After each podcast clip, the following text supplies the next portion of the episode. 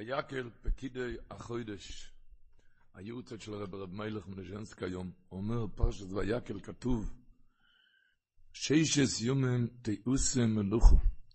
אז הוא אומר, היה צריך להיות כתוב שישס יומן תעשה מלוכו. למה כתוב תיעושה, תעשה? למה לא כתוב תעשה? אומר התורה רוצה ללמד אותנו איך לעשות את המלאכה.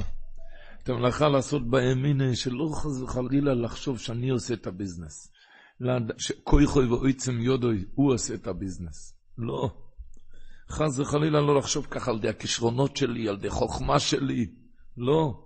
אלא מה ידע שהקדוש ברוך הוא, הוא עושה את כל המעשים. הוא גזר על האדם לעשות את ההשתדלות ולהתעסק במעשי ידיים. אבל בעצם, השם יזברך, הוא עילת כל העילות וסיבת כל הסיבות. כל מה שנעשה זה דרך להביא עליו את הפרנסה הנגזר מהשמיים. הפרנסה לא תלויה כלל במלאכה שלו. רק הקדוש ברוך הוא ציווה עלינו לעשות השתדלות. אז תעשה מלאכה שלא תתלה, את האיש, לא תתלה בעשייה שלך. זה לא העשייה שלך. ככה אומר רבנו הגאון, רב שלמה קלוגר, אומר שהיה בפרשת השבוע, יש שלוש דברים תמיד בבית, בבית המקדש. היה מנורה, היה מנורה, להדליק נר תמיד, אבל זה לא דלק תמיד. להדליק נר תמיד, הפירוש הוא שכל יום אתה מצווה להדליק, אבל זה לא דלק תמיד. אותו דבר, קורבנות תמיד בבית המקדש. כתוב כל יום תמיד. את קורבני, צו את בני ישראל ואמרת להם, קורבני להחמיא לישי, קורבן תמיד. אז היה, זה היה קורבן, זה היה תמיד על המזבח? זה לא היה תמיד. זה היה, כל, תמיד זה נקרא כל יום. אז תמיד הנאמר בקורבן, פירושו כל יום. תמיד נאמר במנורה, פירושו כל יום. מה שאין כן, יש עוד תמיד, שזה לא פירושו כל, כל יום, אלא ממש תמיד. תמיד 24 שעות זה היה, מה? לחם פנים לפניי תמיד. זה היה, לחם הפנים היה על השולחן תמיד. הגמרא אומרת שאפילו כשהורידו את ה... החליפו את הלחם הפנים, בכל שבת החליפו לחם הפנים, אז החליפו, הכניסו את החדש על השולחן, כן, שתי כהנים עומדים מהצד הזה, מכניסים את החדש, שתי כהנים עומדים בצד הזה של השולחן, מוציאים את הישן, טבחו של זה וטבחו של זה, ככה שלא יהיה שנייה שולחן בלי הלחם הפנים. למה? כי כתוב לחם פנים לפניי תמיד, צריך להיות תמיד, אסור להיות שנייה בלי לחם על השולחן. אז אומר רב שלמה קלוגר, למה? תמיד שנאמר בקורבן תמיד זה פעם ביום. תמיד שנאמר בנר תמיד זה פעם ביום. לחם הפנים זה כל הזמן. למה? אומר רב שלמה קלוגר, כי הבן אדם מסתובב יומם ולילה ודואג על הפרנסה. דואג על הפרנסה, מאין יבוא עזרי? אם על הפרנסה היומי, אם על לחתן ילדים, כל הזמן דואג ומוטרד, אומר לו הקדוש ברוך הוא, מה לך דואג? הרי אני דואג בשבילך. יום, זה אצלי, בשבילי, אצלי תעמיד, 24 שעות זה על ידי. מה לך דואג? תפסיק לדאוג. תפסיק לדאוג. זה לימוד על כל הדברים שמדאיגים את הבן אדם. מה לך דואג? תפסיק לדאוג. זה מה שהתורה רוצה להגיד מצד אחד. ומצד שני, הוא אומר שהתורה רוצה להראות, ללמד אותנו, הגמרא מספרת שעל לחם הפונים, כשהיה עולי רגלים, אז הראו לעולי רגלים את הניסים של המקדש. מה הראו? הגביהו את השולחן, והראו להם, על לחם הפנים, הורידו את זה בשבת מהשולחן, נכון? מתי זה נאפה? לפני שמונה ימים, יום שישי שעבר. יום שישי שעבר זה נאפה. וזה היה חם כאילו עכשיו נאפה. ואת זה הגביאו לעולי רגלים להראות להם את הנס כסידורו כך סילוקו. כשזה היה חם, כשהורידו את זה מהשולחן, בדיוק כאילו עכשיו נאפה. שואל רב שלמה קלוגר, היו עוד הרבה ניסים בבית המקדש. עשרה ניסים בבית המקדש, הגמרא מוסיף, זה משנה באבות. יש עוד ניסים. למה בדיוק את זה הראו לעולי רגלים? מסביר רב שלמה קלוגר. כי בן אדם עשה היום ביזנס. אה, אני הצלחתי היום עם הביזנס שלי, הצלחתי היום. הצלחתי היום, אומרים לו רבי, אתה טועה. אתה לא הצלחת היום. כי מתי זה כבר? נכתב לך מראש השנה. זה כבר נכתב לך מראש השנה. כמו לחם הפנים עכשיו, זה נראה חם כאילו עכשיו נאפה, זה עכשיו נאפה? לא, לפני שמונה ימים. אותו דבר רצו להגיד לעולי רגלים, אתם חוזרים הביתה, עוסקים בביזנס, תזכרו. מה שהנועם אלימלך אומר ששת ימים, תעשה מלאכה. זה לא אתה עושה את זה עכשיו, זה כבר, זה, זה, זה, זה כבר כתוב מהשמיים, מראש השנה. וממילא, אז זה מה שרצו, להכניס, להפנים בעולי רגלים, לחיות עם האמונה. וממילא, אז כל, אז כל, ה, אז כל העסק הרי מסביב לזה, זה יותר ברוגע, ויודע שהכל זה מאת השם אויס וזויס. סיפר בעל המעשה, שיש בקופות חולים כאן בארץ, שיש כזה דבר שמי שמשלם סכום קבוע באיזה מסלול מסוים עבור הוצאות בריאות, הוא זכאי בין הדברים לקבל משקפיים פעם אחת בשנה. זאת אומרת, לפני סוף השנה, הוא מקבל אישור בשביל 100 שקלים, הוא יכול לקבל משקפיים הכי טובות, עם העדשות הכי טובות.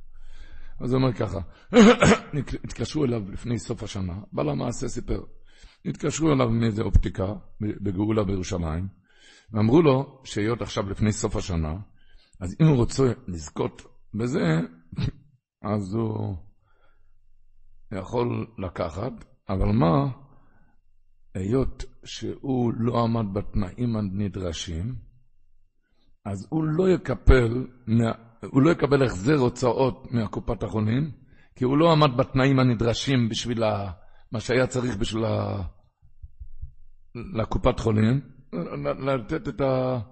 להביא את ה... המסלול של ההוצאות, את הסכום נשלם, הוא לא שילם את הסכום, הממילא הוא לא יוכל לקבל, הוא לא יקבל על זה החזר. אבל לא היה צריך משקפיים חדשות. מה היה עשה? התחכם. הוא פנה לאיזה ידיד שלו, שהוא כן היה זכאי לקבל כזה מתנה, כי הוא כן שילם את הסכום הקבוע. הוא קנה ממנו את הזכות, קנה ממנו את הזכות בשביל 100 שקל, ומשם הוא הלך אל החנות והזמין משקפיים, ואמר שהשם שלו כמו השם של הידיד. כמו השם של הידיד, הוא רצה פשוט לקבל את ההחזר מה, מהקופת חולים.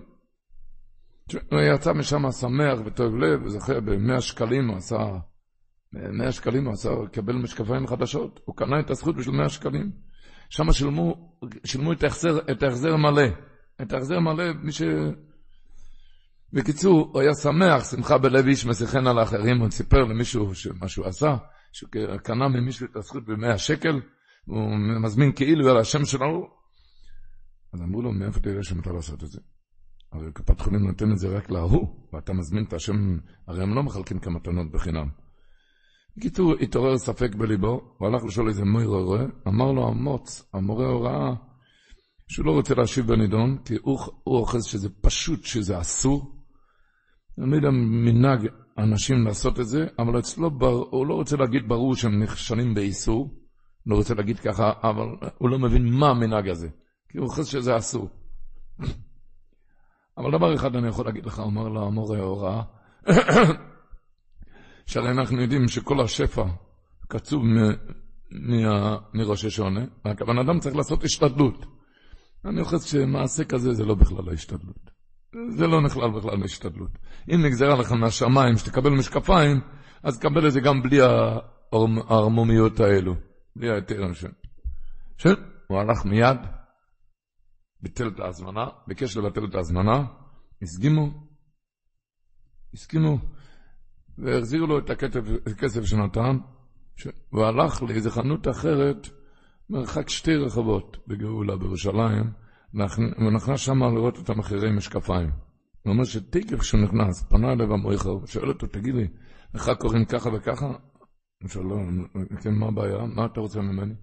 אמר לו המויכר ככה, אתה קנית כאן משקפיים לפני שנה, נכון? אמר לו, כן. אמר לו המויכר, נתן לך, לך משקפיים בטעות, משקפיים שלא היו חזקות. אחרי שהקנה והלך משם, הם הבחינו בטעות שהם עשו.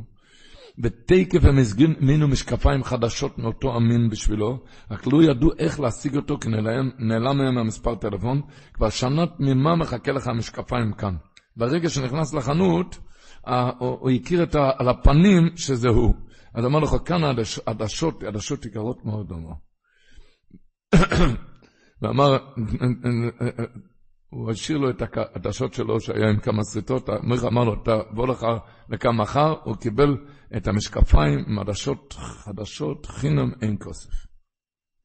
וללמוד וללמד, מהשמיים הכינו עליה משקפיים חדשות חינם, אז הוא לא צריך השתדלות עקומו, שלא כרצון השם יזבורך.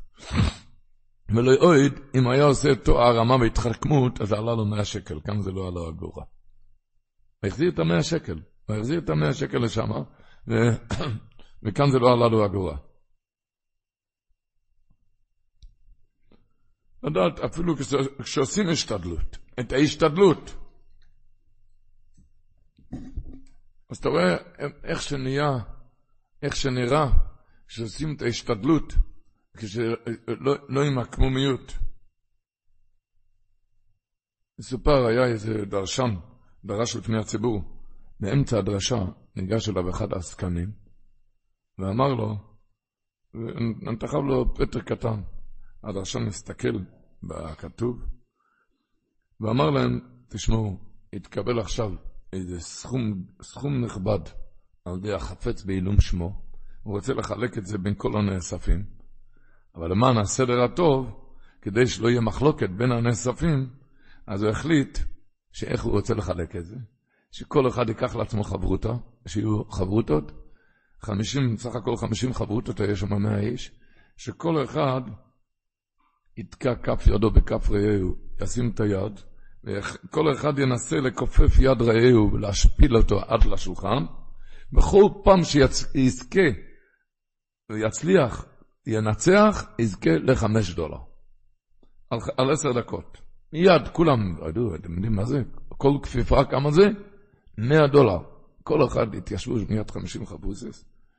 בזריזות התחילו, התחילו עבודות כיפוף הידיים. עבר עשר, עשר דקות, הדרשן הכריז, עד כאן, עכשיו מתחילים לחלק את הכסף. הזוג הראשון ספר כמה מספר ניצחונות, הם היו ראובן ושמעון. ראובן הצליח שלוש פעמים לכופף את שמעון את הידיים, כמה הוא מקבל? חמש עשרה. כל כפיפה זה חמש, חמש עשרה.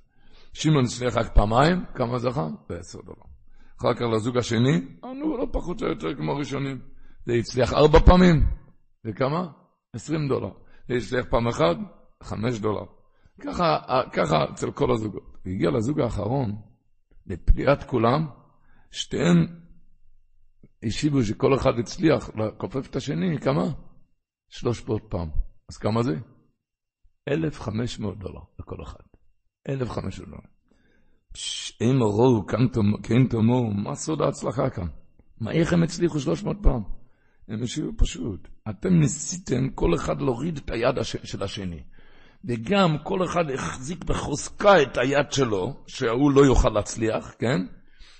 אז כל אחד השקיח כוחות מרובים איך להתגבר כנגד השני. וההתנגדות הצליחה, וממילא היה רק נשיא מספר של ניצחונות, היה רק שלוש ניצחונות או ארבע ניצחונות, כי כל אחד התגבר. ואידך אנחנו החלטנו שתינו, הזוג שלנו החליט, אנחנו החלטנו, במקום לריב ולהתגבר אחד, להפיל את יד רעהו, אנחנו נסייע אחד לשני. אחד יעזור לשני להוריד דור בנחת. וככה עשינו ככה שלוש מאות פעם. כל אחד הוריד לשני שלוש מאות פעם. וממילא הספקנו כל כך הרבה פעמים. מה אתה לומד מזה? מה ללמוד מזה? שכל ההתאמצות וההתייגעות, לא רק שזה לא הועיל, אלא מה? זה הפסיד ומנע מהם רווח הרבה. הכל העמל זה היה לחינם, ולא, ורק הכאיבו לעצמם. אלו שעשו במנוחה או ברוגע, בלי התאמצות ובלי להתגבר על השני, זכו עשרות מונים יותר. זה לימוד גדול לדידן לכל אחד.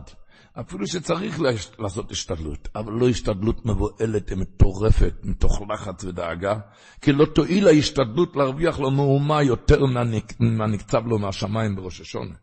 ואדרבה, כל, כל ההשתדלות יתר זה רק מונעת את שערי הפרנסה, וגם מחלק כוחות הנפש והגוף לריק. אבל אחד שמשתדל מתוך איש ובדס ובאמונה בקהל חוי, הוא מוצא מאה שערים. ואצלו מתקיים מה שנאמר, וברכתיך בכל אשר תעשה. על זה נאמר בפרשת השבוע. וירקעו את פחי הזהב. אומר רש"י, כדס תרגם, וירקעו ורדידו, מה פה שרדידו? שעשו אותם דקים. את פחי הזהב עשו דקים, כן? אומר הדברי ישראל, פחי הזהב זה מרמז, פח זה פח יוקשים. פחי הזהב זה הדרגת הממון. וירקו, תעשה את זה יותר דק, את הפח יוקשים של הממון, פחי הזהב. תעשה את זה דק. אתה יודע איך לעשות את זה דק? תפחית את הדאגות. אתה יודע איך? וירקעו, שתבין שהכל מהרקיע מהשמיים. תבין שהכל מהשמיים, וממילא לא תהיה בכזה השתדלות מבוהלת ומטורפת. לא השתדלות מבוהלת ומטורפת. תאמין שהכל מהשמיים, ומה שקצוב לך יהיה. וגם לא לדאוג דאגות יתר, כמו שרב שלמה קלוגר אמר, לחם פנים לפניי תמיד, אמר לך דואג. איך אמר הרב פינקוס? אמר, היו שתי אברכים, שתיהם בעלים משפחות מרובות ילדים בלי עין הרע. ועמדו לפני הנישואי ילדים, שתיהם מרוויחים בדיוק אותם כסף, אבל הילוך חייהם שונה מהקצה לקצה. הראשון מהלך בנחת ובשלווה, נוח לשמיים, נוח לבריות, מלא בשמחת חיים. לעומתו השני מסתובב בפנים שחורות מרוב דאגה, צריך לחתן, רוב דאגה. הוא אמר, שאלתי את הראשון, בשמחה, מה זה הוא עושה? מה אתה כל כך שמח? אתה לא לחוץ ודאוג? הרי אין לך פרוטה ואתה הולך לחתן? אמר לו, ענה לי בניחותא, אמר, יש לי דוד בארצות הברית שהולך לצ'ק פתוח בכל זמן שאני צריך לחתן, מכסה לי את כל ההוצאות החתונה מהחל ועד הקלה. אמר לי לדאוג. שאלתי אותו בפליאה, מי הוא העשיר, העשיר הזה? מעולם לא שמעתי עליו. מי זה הדוד הזה? בארצות הברית. הוא אמר, זה דודי וזה ראי. הקדוש ברוך הוא אשר לא יהיה ועזוב. הוא דודי וראי, הוא הדואג לכל מחסרי. אמר רב פינקוס, פניתי אחר כך למחותן השני. שאלתי אותו, מי זה המחותן השני, איך, איך קוראים לו? רבי דואג, רבי דואג, דואג. אז שאלתי אותו, למה נפלו פניך? אז השיב לי, ברתחה ובסערה. מדוע שלא ידאג, איך אמצא מנוח לנפשי? אני עוד שבועיים צריך להכניס את הבן שלי לחופה, מאיפה אני אשלם? מהמשכורת שאני מקבל מהכולל, 1,500 שקל לחודש? האם קומץ הזה משביע אפילו צורכי הבית הקבועים? אמרתי לו, באמת? זה קושיה עצומה? שאין בידי לתרץ. אבל היה איזה סיפור, הוא אמר לו, שראובן הציע לשמעון לבנות בית על שפת הים. אמר לו שמעון, איך אפשר לבנות על החול שזה רך? עלול הבניין לשקוע, לשקוע ולהיטבע בו בים. ענה לו ראובן, באמת שאלה נאה שאלת. איך זה יכול לעמוד שם, איך זה יכול להחזיק מעמד? הרי זה ייטבע שם, בחול. אבל בואי מי לשפת הים, ותראה כמה מגדלים נעים ומתוקנים עומדים שם על איתנם.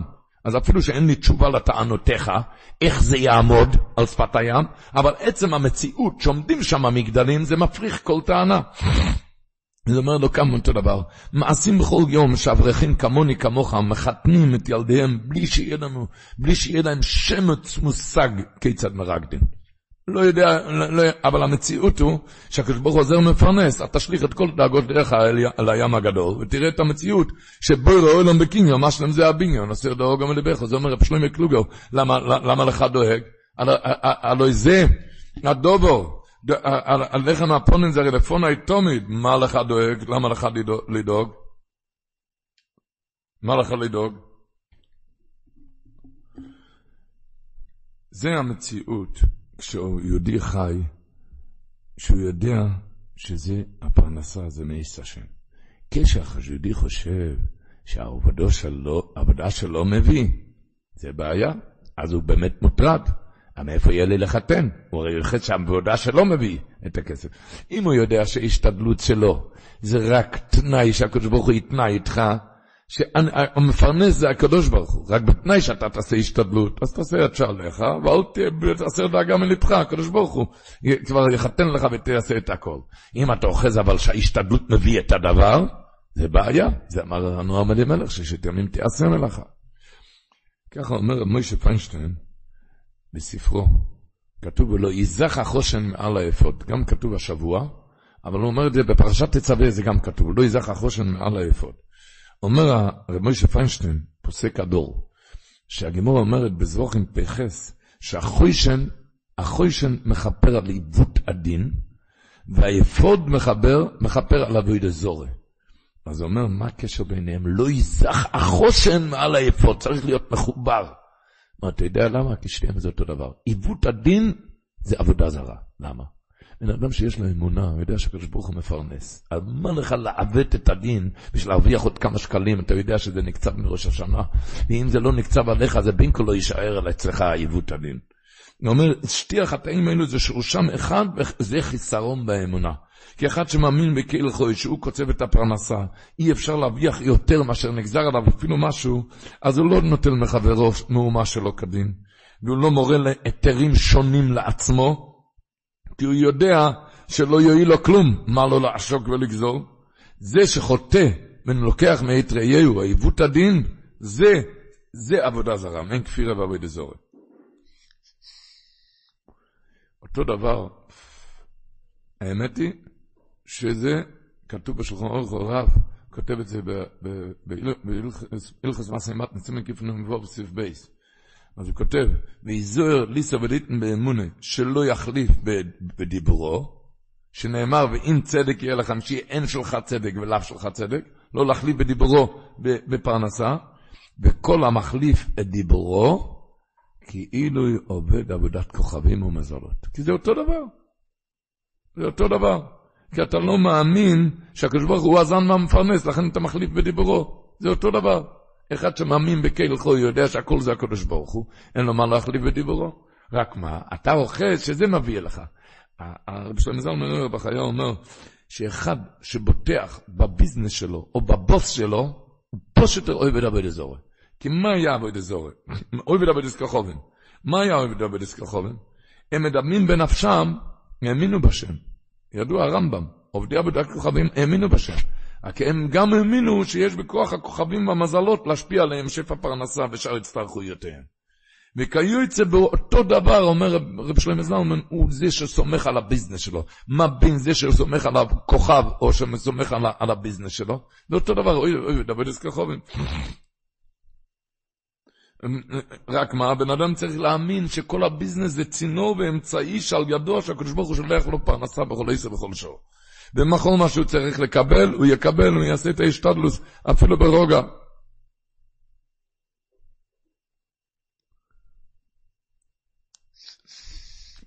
לכן, אתם יודעים, שבוע הבא יש יום, יש סגולה מהשלוע הקודש, סגולה גדולה לפרנסה, להגיד יום שקודם ערב ראש חודש ניסן, להגיד את התפילה הזאתי, וזה מסוגל לפרנסה. זו תפילה לא גדולה, מהשלה הקדוש.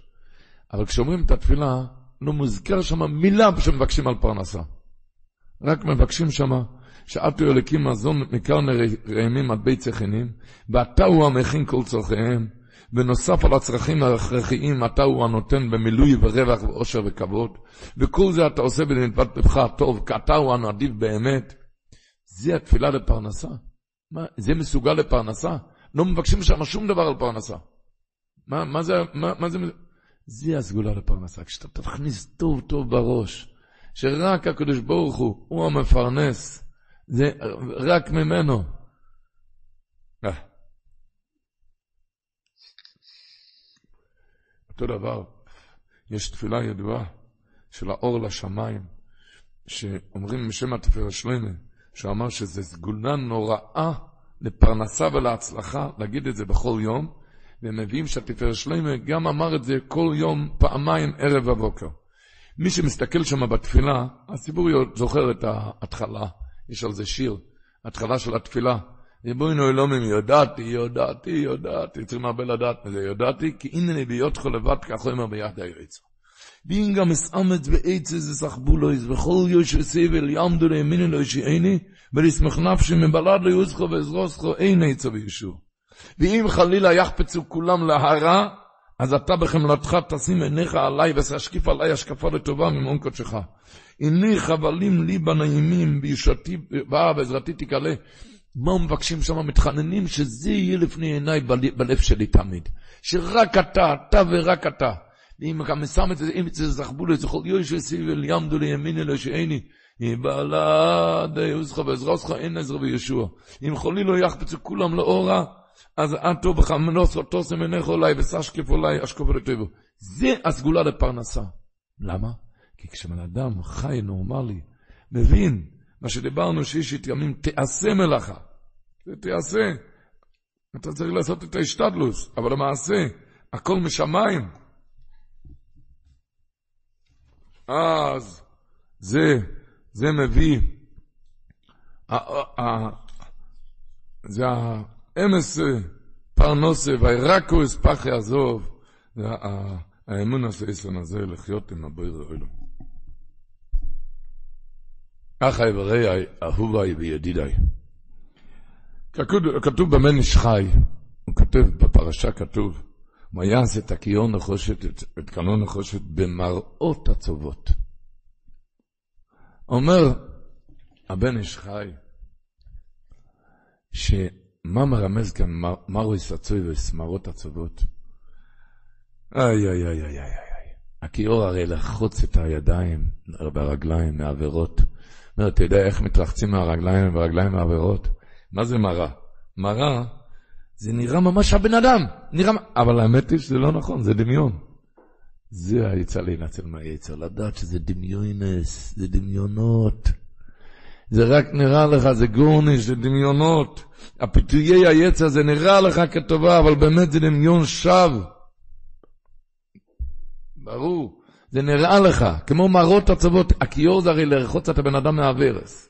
זה הרי כיור נחושת. לרחוץ את הבן אדם מהטומאות. איך? מרש, תבין שזה רק דמיון. זה דמיון. תצא מהדמיונות. בזה הוא פירש את הכתוב, מים גנובים ימתקו. הוא אומר, מים, הרי זה מים פשוטים, איך זה, איך זה נמתק? הרי אין מתיקות במים, מה פירוש ימתקו? מים... רק הוא אומר, זהו זה. היצר מראה לך, הוא מדמה לבן אדם שיש במים מתיקות, כי זה גנוב. אבל זה אמת, זה כל עניין אחר, שבן אדם קצת יתבונן, הוא יראה שהכל אבל בדמיונות שווא. לכן, לכן עשו מזה את הכיור, שזה טהרתם של הכוהנים מהעבירות שבידם, שידיעה זו שכל הפיתויים דמיון, זה הטהרה מטומאת היצר להכניס קצת את האור הזה לנשמה, להכניס את האור הזה, האור הזה. אמנם כן,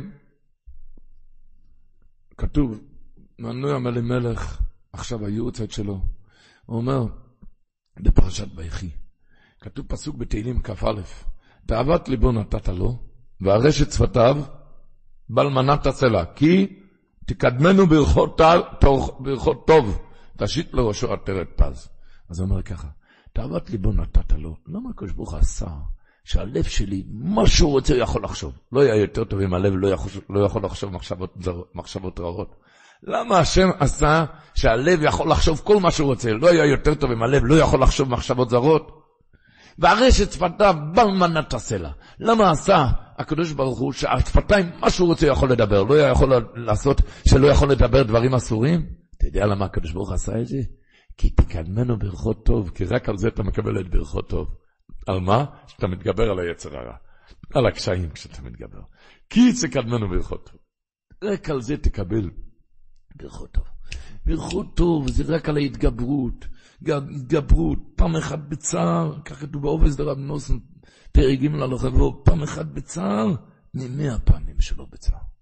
איי איי איי, כל דבר שהוא. אחי ורעיי, אהוביי וידידיי. היה שאלה אצל רב חיים קניאבסקי.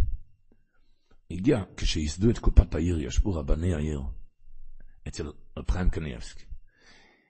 רב מנדל שפרן מספר ששאלו אותו אז, מה ההגדרה של עניי עירך? מה ההגדרה של עניי עירך? מתי זה נקרא עירך?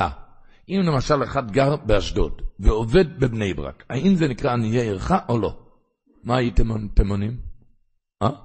היה, הוא גר באשדוד ועובד בבני ברק, הייתם אומרים שלא, שלא נקרא עניי עירך.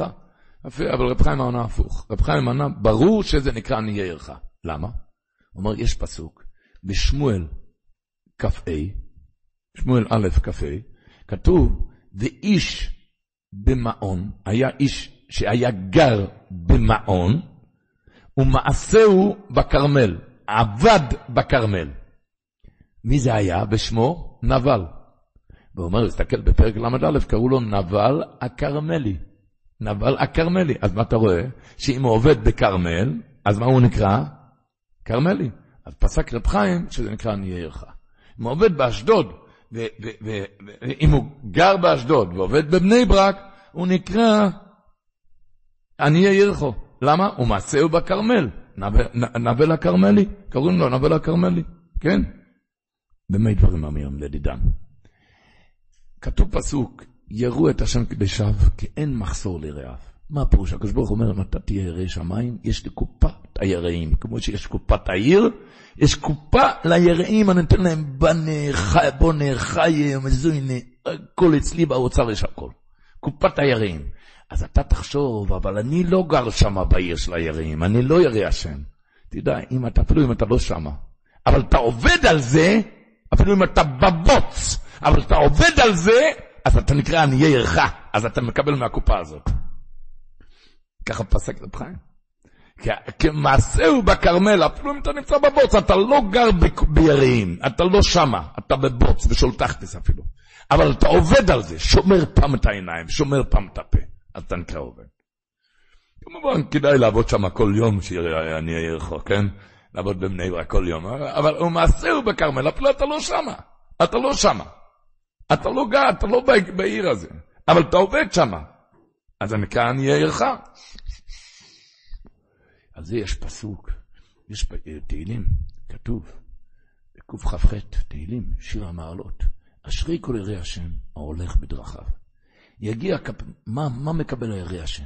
יגיע כפיך כתאכל, אשריך וטוב לך, אשתך כגפן פריה, ביער כסי בצלך, בניך כשתילי זיתים, זה תשפיל בשולחניך.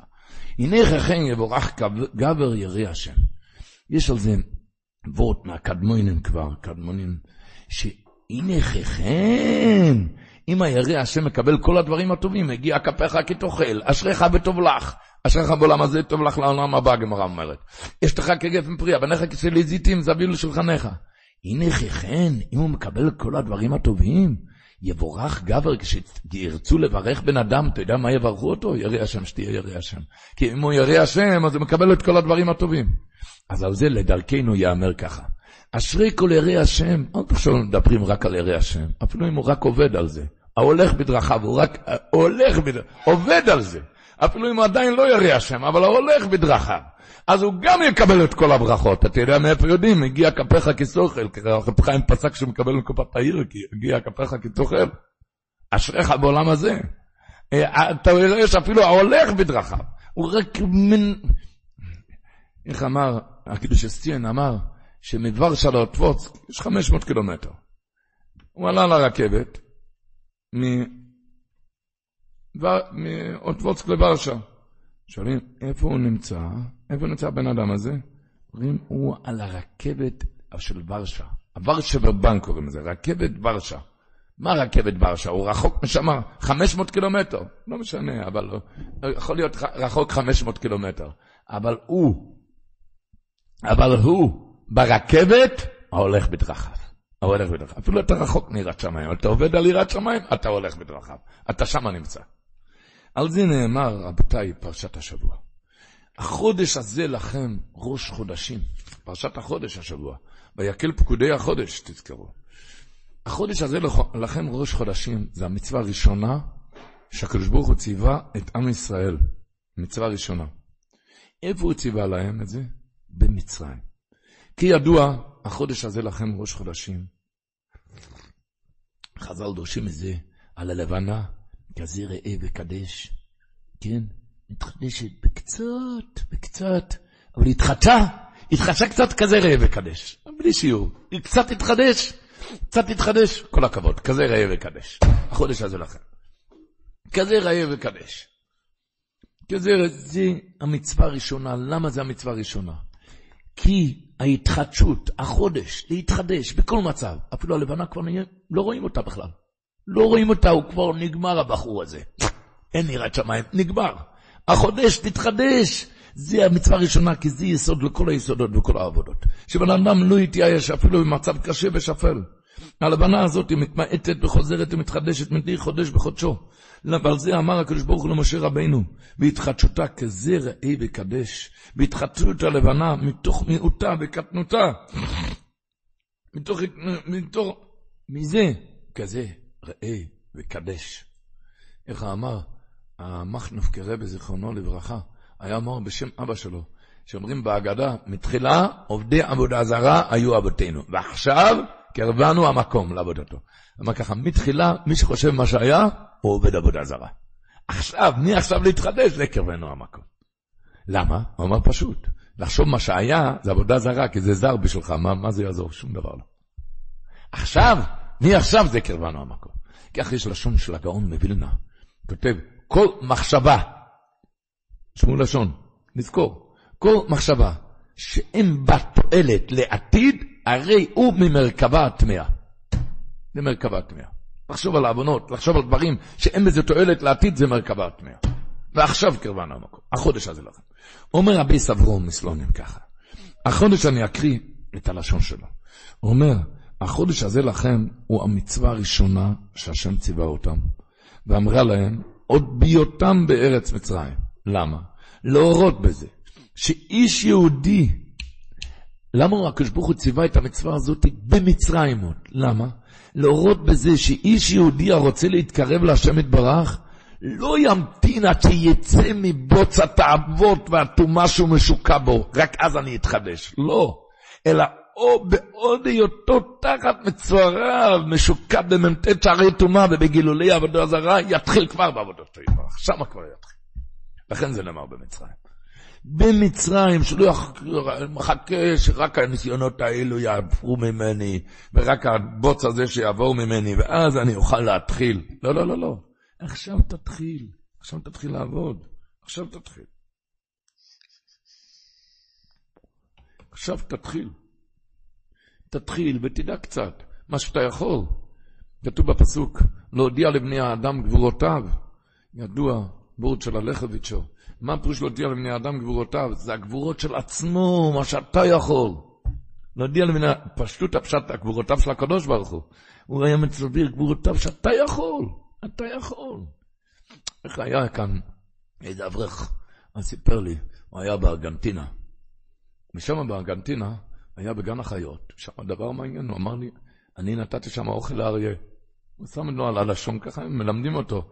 הוא התחיל לשחק בראש שלו, אמרו לו, תיזהר, זה לא... הם צריכים לדעת איך מה מומה, אבל נותנים שם אוכל.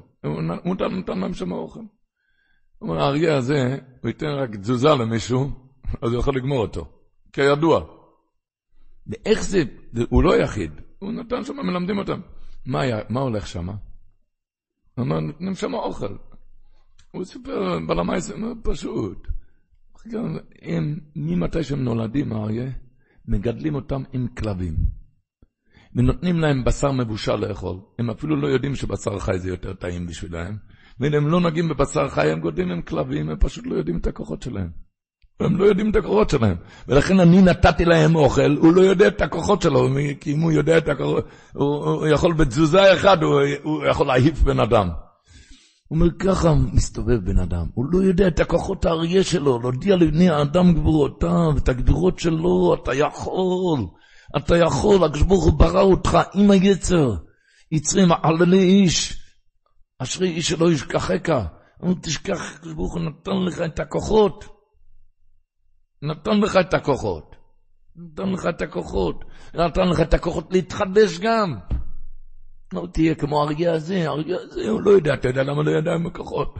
הוא גדל ככה עם הכלבים, הוא רק מסתכל על הכלבים. כל בן אדם עם הכלבים שלו, וככה הוא מסתכל רק על הכלבים, הוא לא יודע איזה כוחות אריה יש לו. תוציא את הראש מהכלבים, תבין איזה כוחות אדירים יש לך. לכן בארץ מצרים, כשבור אמר, אתה, אתה העם היהודי, החודש הזה לכם, אתה יכול להתחדש, תתחדש. זה המצווה הראשונה. כי ידוע, הגמרא מספרת, דבר שאין לנו כל מושג בו, הגמרא מספרת שרב לוזו בן ארוך הגיע, הגמרא בשבס קמ"ז, הגיע לעיר שקוראים לזה פרוגיטה.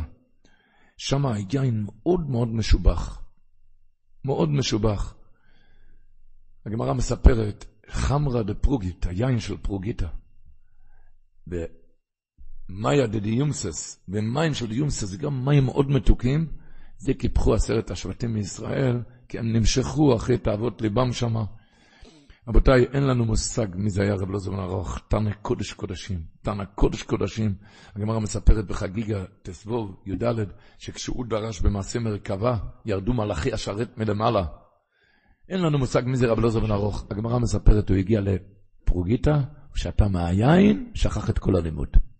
שכח את כל הלימוד. והגיע, הוא רצה לחזור, וצריך לקרוא את הפסוק החודש הזה לכם, הוא טעה וקרא, החרש היה ליבם. באו, ביקשו רבנן רחמים עליו, ונזכר מכל הלימוד. אומר החוזה מלובלין, מה הלימוד כאן? שאפילו כשבן אדם החרש היה ליבם, אתה יודע מה זה החרש היה ליבם? יש התקפת לב, כן? יש שבץ לב, אבל יש דום לב, זה כבר מת. החרש היה ליבם ברוחניות, אין לב בכלל ברוחניות. יש לב טיפש ונשחץ, אבל יש חרש היה ליבם, הוא כבר גמור, גם אז יכול להיות החודש הזה לכם. גם אז אתה יכול להתחדש. גם מזה אתה יכול להתחדש. אפילו אם כבר רחמנא ליצלן, אפילו אם רחמנא ליצלן, כבר היה, החרש היה ליבם. הקדוש ברוך אומר, אני מחכה עליך שתתחדש, תתחדש, החודש הזה לכם. זה אנחנו. וזה, על זה נצטוו בתוך הבוץ, בתוך מצרים, בתוך המצרים. בואו, עם, עם ישראל, בואו תתחדשו. איך להתחדש? אמר הקוצקר רבה, אם אתם שמתם לב, מה אמר? מהחודש הזה לכם, הוא קרא, החרש היה ליבם. הדלת התחלף לרש, הזין התחלף ליוד, נכון? הזה הוא קרא, היה ליבם. הזין התחלף ליוד, והכף שלכם התחלף לבית. אומר הקוצקר רבה, שהכל זה קטנים, אה, אה, פסיקים קטן, קטן. מה ההבדל בין כף לבית, לכם וליבם? זה עוקץ קטן. מה ההבדל בין ד' לרש החודש, מהחודש קראו החרש. מה זה ההבדל? עוקץ קטן. הכל דבר קטנטן. מה ההבדל בין ז' לי', אז זהו, הם קראו היה גם עוקץ קטן, זה דבר קטן. אז הוא אומר, דבר קטן שתקבל על עצמך, תתחדש לגמרי. החרש היה ליבם. אפילו כבר חרש לב. אתה רוצה להתחדש עם דבר קטנטן. דבר קטנטן תקבל עליך. ואתה התחדשת לגמרי. התחדשת לגמרי לגמרי. חודש. תראו, ככה לבנה. מתחדשת בקצת, קצת. וכזה ראה וקדש. הוא התחדש. כמה? היה מתאים שיש שיעור חזון איש, לבנה עגולה. לא, לא, לא, לא. קצת, קצת, הוא התחדש, כזה ראה וקדש.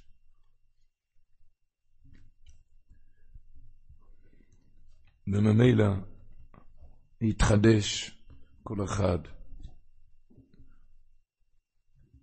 היום היורצת של הנוים אלימלך, הוא אומר, ויקרא לבנו ליוסף.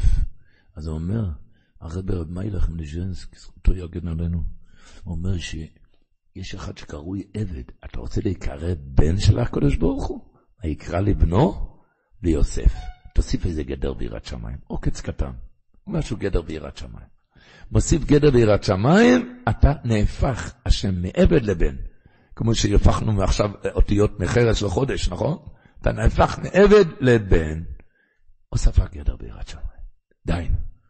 איך היה אומר רבי יעקב גלינסקי, זצ"ל, אמר שהיה פעם אחד שיכור, היה שותה הרבה.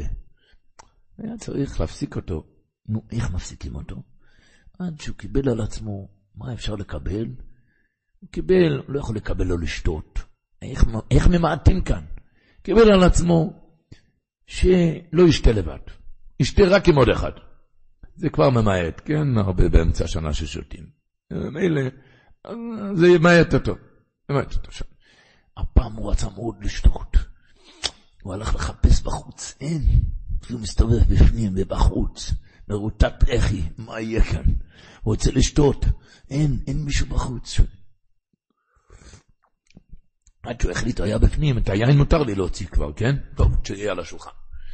אבל אין אף אחד. טוב, מותר גם להוציא שתי גביעים, להכין לשני, שיהיה מוכן. בסדר, זה מוכן.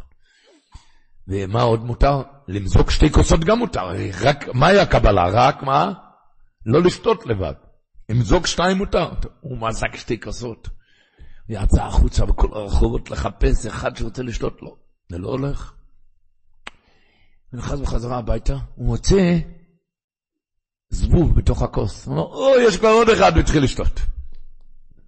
יש כבר עוד אחד. הוא אומר, אתה יודע, זה כזה גאונות, יש עוד אחד, אתה יודע מה גרם למכשול הזה? אתה יודע למה? כי הוא התקרב לניסיון. הוא לא התרחק מהניסיון. הוא התקרב לניסיון.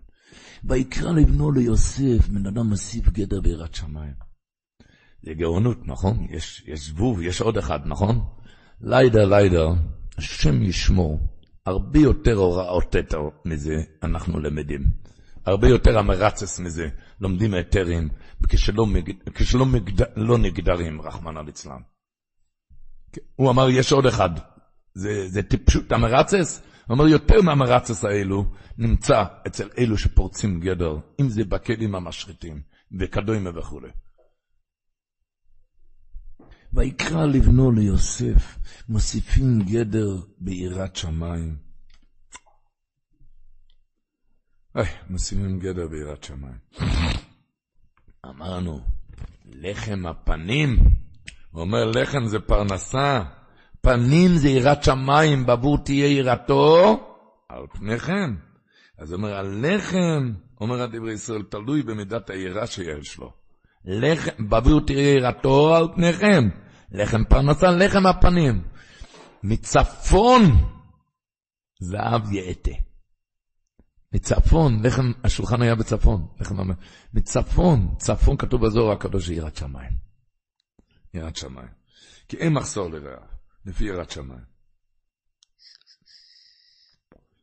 יראת שמיים זה כזה השתדלות מותר לעשות לפרנסה יומם ולילה.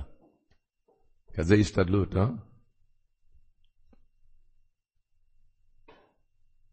איך הוא אומר? דברי שמואל, לחשוב מחשבות לעשות בזהב בכסף הנחושת. אפילו כשאתה עובד בכסף הנחושת, אבל הראש יחשוב מהקדוש ברוך הוא, לחשוב מחשבות.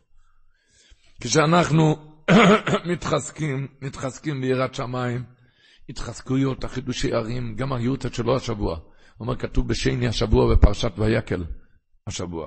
כתוב, ויבואו אנושים על אנושים. כל המראשונים מדברים כבר מה, מה פירוש במילה על. אז הוא אומר, שבא כאן לרמז מעלת בעלי תשובה. כי האנשים חטאו בעגל, נשים לא. היות שחזרו בתשובה, אז הנושים נהיו יותר גבוהים על האנשים. ידי חזר בתשובה, הוא נהיה יותר גבוה על האנשים. נתעלו מעל האנשים שלא חטאו. איי איי איי, זאת אומרת שבן אדם ידע תמיד שהוא חוזר, הוא נפל, חיזוק למי שנפל בחטאו, מדרכו של יצר הרע, להכניס אותו לייאוש, לעצבות.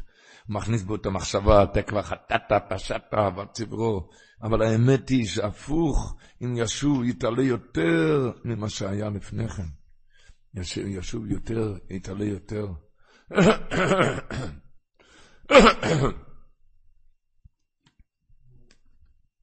כתוב פרשת השבוע, פרשת ויקל. לא, ששת ימים תעשה מלאכה, והיום השביעי יהיה לכם קודש, שבת שבתון השם. לא תבערו אש בכל מושבותיכם ביום השבת. אומר החתם סופר, רבנו החתם סופר, רבותיי, עכשיו מדברים ביזנס, ולשים לב ולהיזכר מהחתם סופר הזה כל ערב שבת. אבל להיזכר כל ערב שבת ברצינות, כי זה פרנסה. אומר ככה, הגמרא מספרת בכמה מקומות, הגמרא בגיטין נ"ב מספרת, אנו תרי היו שתי אנשים שכל בי שמשה, בי שמשה זה נקרא, רש"י אומר, לא בגיטין, הגרש אומר בשבת, מסכת שבת, בי שמשה זה ככה ערב שבת בין השמשות, ליל שבת, זה נקרא בי שמשה, ערב שבת בין השמשות. כל בי שמשה, כל ערב שבת, היה מחלוקת. השטן התערב, איגרה בו שטן, הגמרא מספרת, השטן התגרה, כל בי שמשה מחלוקת. רבי מאיר התעכב שמה. רבי מאיר, שלוש בשמשה, שלוש שבתות, עד שהוא העיף אותו מהבית, את השטן. הגמרא אומרת שהוא שמע איך שהשטן אומר, ואי לה הוא גברא עד אף כרמר ביתי. אוי ואבוי לי, הוא הוציא אותי מהבית. אז זה ידוע, כתוב הרבה, זה כתוב מהחידור, הרבה זה כתוב, שלמה הגמרא אומרת, בו שטן, כי תדע שאז השטן פותח את המשרד הראשי. רוצה להביא מחלוקת. בכל בתי, בכל הבתים, לא עלינו. למה? למה הוא רוצה את זה? אומר החסם סופר, תשמעו טוב. השטן הזה, הוא מסתובב בשמיים. הוא יודע מתי באה פרנסה, לא מעבודה כל השבוע. השפע בא בליל שבת. זה הזמן של שפע. רבי שמעון אומר את זה כמה פעמים בזוהר הקדוש, שכתוב בסידורים לפני קידוש. רבי שמעון אומר, דאבאו זימנה הזדמם ברכה, להתברכה כל שיטה יום לשבתה. הברכה, הפרנסה מגיע משבת. זה מקור הברכה, אז מגיע השפע. אז השטן יודע שכלי להחזיק ברכה, מה כתוב במשנה? לא מצא הקדוש ברוך הוא כלי מחזיק ברכה לישראל, אלא השלום. לכן כל מגמתו, ככה הוא כותב, השטן הוא דבר אחד, הוא לא יכול לפרגן שיש כסף בבית יהודי. לכן, הוא יודע מתי באה הפרנסה. מתי? לא מעבודה באמצע השבוע, אלא מתי באה הפרנסה? בליל שבת. לכן הוא כותב, כל מגמתו של שטן להכריך ריב בשבת, ביום שהברכה מצויה, כדי שלא תמצא כלי מוכן לקבל ברכה, ועל ידי זה מקולקלים כל ימי המעשה. ככה לא יהיה ברכה כל יום השבוע. כן? אומר שעל ידי השבת מתברכים ששת ימי המעשה, אלא שצריך כלי להחזיק ברכה, על ידי השבת, על ידי זה מגיע ברכה, ששת ימי המעשה. ככה הוא מביא מזוהר הקדוש.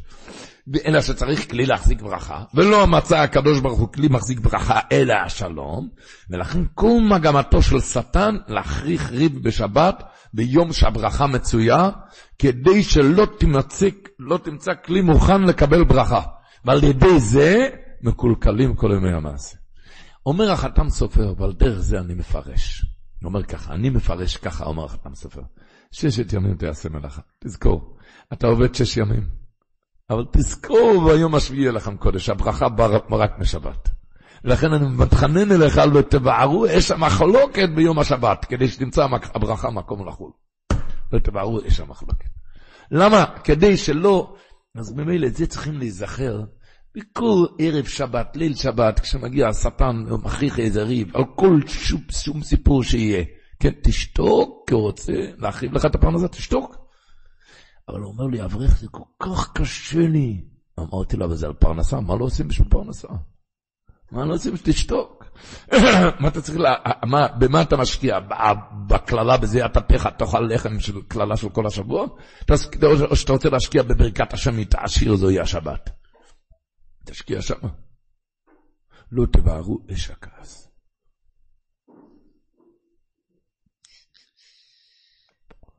כתוב עוד יותר, עד כדי כך מובא בספרים הקדושים, תהיינו בתומר דביר אל הרמק פרק ב', שאפילו שמותר לבן אדם להראות פנים של כעס לצורך מצווה, למשל לחינוך הילדים, אמנם שבת הוא יום מנוחה, אסור לו להיות בכעס אפילו כלפי חוץ. זה הפירוש לא תבערו יש בכל מושבותיכם, אפילו העמדת פנים רק על פניכם מבחוץ, גם כן לא תבערו ביום השבת. את זה בן אדם צריך טוב לחשוב לפני שבת. למה? כי אז, כמו שדיברנו, הוא פותח את המשרד הראשי, ואתה צריך להבין למה. כי הוא רוצה להחריב לך את הפרנסה. כך כותב רבינו אחידה, במורה באצבע, ק"מ, הוא כותב, בעלות המנחה בערב שבת, הוא עת מסוכן למחלוקת בין איש לאשתו ובין המשרתים, והרבה טורח הסטרא אחרא בזה לחרחר ריב. והאיש הירא יחוף יצרו ולא יעורר שום מחלוקת בהקפדה, אדרבה יבקש שלום.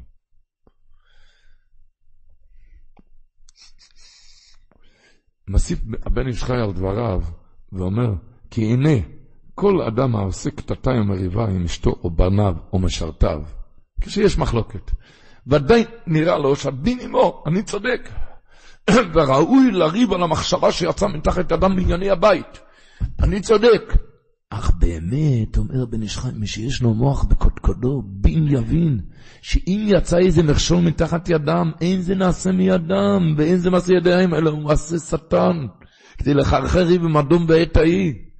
אפילו שאתה צודק והם לא צודקים, אתה מבין שזה לא הוא עשה את זה, אומר הבן איש חי, זה השטן עשה את זה, הוא רוצה להחריב לך את הפרנסה. אתם מבינים מה שבן אדם צריך לחשוב בשבת הוא אומר?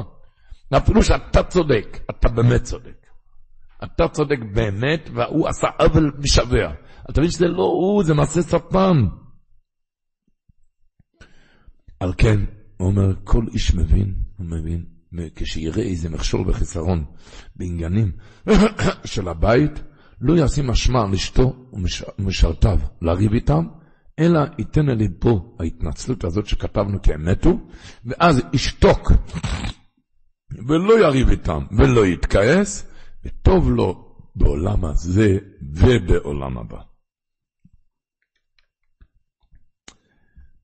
ההתנהגות הזאת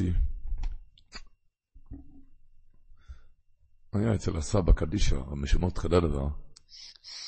היה פעם סיפור מעניין, מסתובב יהודי שהיום בגיל 80 פלוס, ואומר שהוא חייב את, את כל החיים שלו לסבא, המשמעות חדדבר.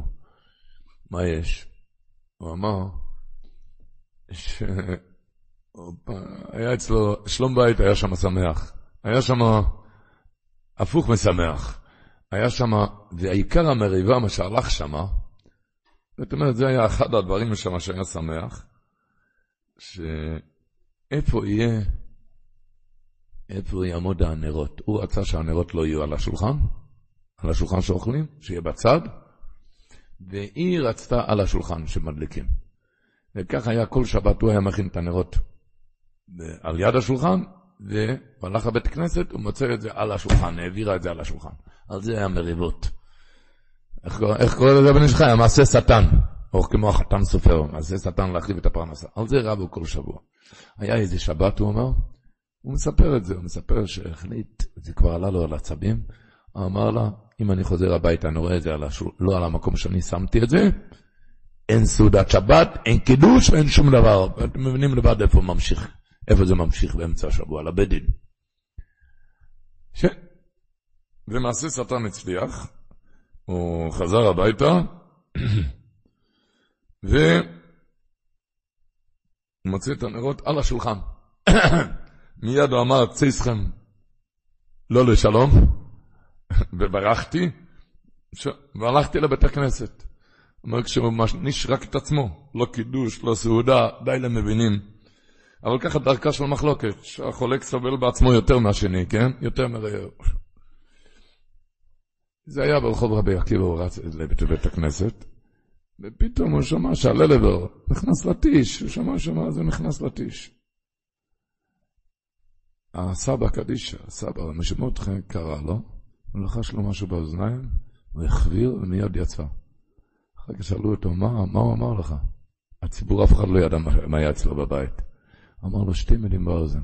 אמר לו, אתה יודע שכל הנרות שבת, חז"ל תקנו רק משום שלום ביתו, הרי רק בשלום בית. אז על זה לעשות מריבה. על זה לעשות מריבה. אתה מבטל את כל התקנה. הרי כל הנרות רק בשביל שלום בית. אם אתה רב על מה... אמר לו, תוותר. הוא רץ הביתה והשלים, וככה יש לו היום בית גדול עם ילדים ונכדים ונינים ובני נינים. הוא אומר שזה רק בזכות מה שהוא לחש לו באוזניים. שכל הנרות הרי רק בשביל שלום, בשביל שלום בית.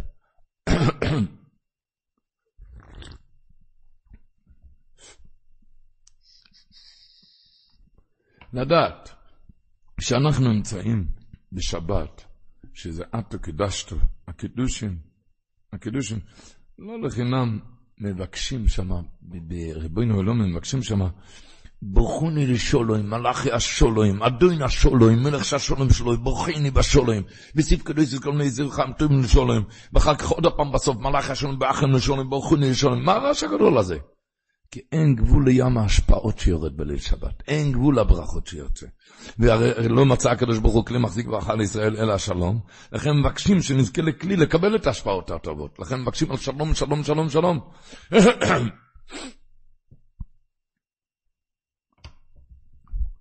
סיפר איזה בנשק, צדיק, בנשק מוויליאמסבורג, סיפר שהוא אירס את הבן הבכור שלו בשעה טובה ומצלחת. זמן החתונה היה יום ראשון פרשת שמות תשפ"ב. הוא נכד לשושלת קומרנה. בקומרנה יש להם מסורת להשתמש בטבעת קידושין, טבעת, טבעת זהב מרובעת. מה הפירוש מרובעת? עגולה מבפנים ומרובעת מבחוץ. מרובעת מבחוץ. אז אחרי שהוא הרס את הבן הבכור, הוא אומר, הוא דיבר עם הרבנית שלו, שהקל העתידה, שצריכה להיכנס כאן לבית, היא גם תתקדש בטבעת הזאת. ש... והוא דיבר עם הבית שלו, עם אשתו, ודיברו, שאלו את הקאלה, ואמרו הם. זה קצת משונה. זה טבעת, שאלו את הקאלה ואמרו הם. אמרו, בהגיע יש דוידם. כשהיא החתונה, ניגש אליי האברך הממונה על האולם, ושואל אותי את האבא, תגיד לי, איפה טבעת קידושין? אמרתי לו, זה בכיס של הבגד של החתן. אז אמר לו, זה שמארגן, זה שממונה על האירוע, אמר, תשמע, אני יודע מתוך ניסיון, כבר היה לעולמים שהטבעת נאבדה מידי החתן. תיקח את זה ממנו, את הטבעת, תכניח את זה בכיס שלך. אמר, עבר קצת זמן, עמדנו כבר לפני הבדק. מה זה בדק? לפני שאומרים לך סתר, את הכיסוי על ראש הכלב. שאל אותי האחראי עוד פעם, איפה הטבעת? אז אמרתי לו עוד פעם, זה אצל החתן. אז אמר לי בחוזקה, תוציא את זה ממנו. זה... עשיתי, כי החתנים מוציאים תמיד את הדברים לפני שנכנסים לחופה, ואז לפעמים נופל הטבעת, תוציא את הטבעת, תוציא ממנו, דבר ראשון. אז עשיתי את זה, הוצאתי ממנו את הטבעת, ומשום מה הוא מספר על אנשי כזה, פתחתי את קופסת הטבעת, ואוי ואבוי, עיניי חשכו, ידיי רעדו, מצאתי שם טבעת עגולה, ומיד רגליי הולכוני לאיפה? לכיוון העזרס נושן, לברר אצל בני הבית, הייתכן כדבר הזה? דיברנו כמה פעמים דברים ברורים, הוא דיבר עם הבית שלו, עם אשתו, שהטבעת צריך להיות מרובעת, איך הגיע לכזה דבר? וגם הוא אומר, הוסיף שמן למדורה, האח שלו שליטה, שעודד אותי מתוך כוונה טובה, הרי המנהג שלנו במסורת טבעת מרובעת, מה זה אומר הולך כאן? אך בחסדי השם עליי, הוא אומר, נזכרתי, לילה לפני כן, לילה לפני כן הוא אומר, הוא פנה לבן דוד שגם חיתן הבן הראשון שלו. ושאלתי אותו, תגיד לי, אני גם מתחתן עכשיו בן הראשון, ואני מרגיש כמו, לא יודע איך זה, תן לי כמה עצות, מה עושים לחתן? לפני מחתנים בן הראשון, תראה איך ניגשים. אמר לי הבן דוד ככה, תשמע, כל העניינים אני אשאיר לאחרים ללמד אותך, אבל זה אני צריך להודיע לך דבר אחד. כך אמר לי הבן דוד, שהסוטן לא מסכים ששמחה אצל יהודי יהיה שלם, אבל לא נח ולא שקט לרגע, הוא ממציא כל כמה דקות עניינים אחרים להביא את המחותונים להרוג איזה כעס. לכן אני אומר לך, תיזהר במשנה זהירות. לפני שיקרה לך לפחות עשר מקרים של בעיות, תזכור טוב שזה מעשה סרטון. לפני שלא קורה לך עשר מקרים של בעיות, זה מעשה שטן, אל תנה טינה וכעס בלבך. והוא הוסיף ואמר הבן דוד, הבן דוד מוסיף ואומר לו, אני חיתנתי לפני חודש וחצי, נכון? אתה זוכר, אתה בן הראשון. אתה זוכר, נכנסת אליי לחתונה, ישבתי במזרח כמו איש זר בצד, ראית כאילו, אז כל, אני, כל החתונה לא קשור אליי בכלל. אני אגיד לך מה זה היה. מישהו לחש לי באוזניים איזו אמירה חרופה, אמירה חריפה. שזה הוציא אותי משלוות נפשי למשך כל ליל החתונה, לזין ימי המשתה, ועד עכשיו כבר עבר חודש וחצי ועדיין לא נרגעתי. לכן אני מציע לך, תשמור על שלוות הנפש, אל תיתן לי שום בעיה שלא ישפיע עליך. זה אני מלמד אותך, תשמע טוב. אני נזכרתי מהדברים, כבר הייתי על הדרך לעזרת נשים לצעוק על הבית, מה הולך כאן עם הטבעת? הרי מנהג מסורת. אבל נזכרתי מזה, התאפקתי, לא ניגשתי לעזרת נשים, ובלי, אני לא צריך הסברים על הטבעת, הוא אומר, אח שלי, מצא אותי באמצע הדרך, אני הייתי על הדרך לאיזה נשים, נו, הטבעת מרובעת. אז הראתי, לו שם עם האצבע, שם יושב הבן דוד, הוא יסביר לך. כי הבן דוד גם היה שם, הוא יסביר לך הכל. למעשה, הוא אומר, החוסן קידש בטבעת הגאולה, והלילה היה עם שמחס נישואים, אוי פניפלו, למעלה מדרך הטבע, למעלה מהמשוער, ללא כל פגע ומכשול. ממש הרגשנו סייעתא דשמיא על כל צעד ושעל. למחרת הגעתי לבית מדרש, כולם הפליאו שזה היה כזה שמחה בהתרוממות נפלאה, שמחה עצומה. אומר, אבל לפנות בוקר חזרתי הביתה עם הבית שלו, עם, עם האישה. שאלתי אותה, אמרתי, מה, מה זה היה טבעת הגאולה? היא לא ענתה דברים ברורים, החלטתי שלא שעשה כושר עכשיו לדבר על זה, העברתי את השיחה לעניינים אחרים, אחרי כמה ימים אמר, שאלתי אותה שוב, מה, מה טבעת הגאולה? אז היא אמרה לי, אתה הרי לא אמרת לי שום דבר על טבעת מרובעת. אז אמרתי לה, הרי דיברנו דברים ברורים, לא רק אני אמרתי דברים ברורים, רק הקאלה גם הסכימה לזה במפורש. מיד אחרי האירוסין. היא אמרת, נכון, זה היה מיד אחרי האירוסין. על ש"ס מייסי, כשהלכתי לקנות את הטבעת, לא אמרת לי שוב. אז הבנתי שאין בזה קפדה. ובתוך דבריה היא אמרה ככה, אני זוכרת את יום חופתי, ככה היא אומרת, ושם קיבלתי טבעת מרובעת, אני זוכר את הגמס נפש שהיה לי מכך, ובשום פנים ואופן אני לא אתן לקהל החדשה כאן להרגיש כזה הרגוש. בשום פנים ואופן לא. אז הוא אומר, האברך הזה סיפר לנו, הוא אומר, בואו חשבו, אם אני הייתי ניגש אז לעזרת נשים עם, עם השאלות, אוי, מה, מה, מה עושה כאן הטבעת העגולה? היא הייתה עונה לי, לא, אמרתי לך, לא, לא אמרת לי שום דבר. וצריכים, לא צריך להסביר מה היה ממשיך שמה. הרי דיברנו, וגם דיברנו איזה אש הייתה מתלקחת בליבי ובליבה, וכל המשתתפים בשמחה גם היו שותפים לאש הבוערת הזאת, עם מה שהיה קורה עבור הטבעת, ואיזה פנים היה נראה כל הלילה. אחרי, ששתקתי, לא די שלא נתלקחה אש, רק ברוך השם, קיבלנו מתון זורק סייעתא דשמיא על כל צעד ושעל. על כל צעד ושעל. אה, זה כמובן שכל אחד צריך לשמור על המסורת שלו, כמו מנהג אבותינו בידינו, המנהגים בטבעות, בכל הדברים. צריכים להיזהר. להיזהר במנהג אבות, ודאי שצריך להיזהר במנהג אבות. אבל מה שאני רציתי כאן להגיע, כל שבת קודש זה גם מבחינת נישואין. כתוב במתמוי שאתו קידשת, זה שמחס הקידושים. לא סתם אומרים בריך לו, בריך לו. וזה שם הרבה שפע. השטן רוצה להשבית את השמחה, והוא מביא הרבה כעס על מנהגים, על עניינים שבקדושה. כמו הטבעת אם תהיה עגולה או מרובעת. לא צריכים להרביע כאן הרבה דוגמאות המעשים, מעשים המצויים ושכחים. אפילו שכל העניינים האלו יסודתם בהררי קודש, ואסור לזוז מהם. אבל תעשה קצת חשבון הפסד כנגד רווח. כשעכשיו מקור הברכה, מקור הברוכה של שבס קודש, מה, מה יגידו האורחים כאן, שתי המלאכי השורס, אם יגידו לך, שבס הבוא יהיה כן? אז החוכם אינו ברוי שוי. איך סיפר הנשיא בשולם? אמר שאיזה חוסן סיפר לו שפעם בדקות הכי גבוהות בחיים, כשעמד תחת תופעה, הוא נזכר ששכח להוציא מהכיס, מהכיס את uh, מטפחת, כמו טישו. הרי מוציאים את כל הדברים מהכיסים לפני החופה. והוא ידע שזה מנהג ישראל. וכאן, משום מה, הוא שכח להוציא את זה. הוא אומר, כל הקופה, הראש שלו היה מסביב לטישו, שהכיסים מלאים או ריקמים. אומר, תראה, תראה מה הצליח הבלדור לעשות מבן אדם. להסיח את הדעת בכאילו דקות קדושות, אנחנו נתבונן גם. בשבת, כשזה מקור הברכה, עם כל הצדק שאתה צודק, אבל אתה יודע אם הכעס, אתה הורס, איפה, איפה המחשבות שלך כאן? איפה המחשבות שלך כאן? למה אתה יכול לזכות לכל הדברים האלו?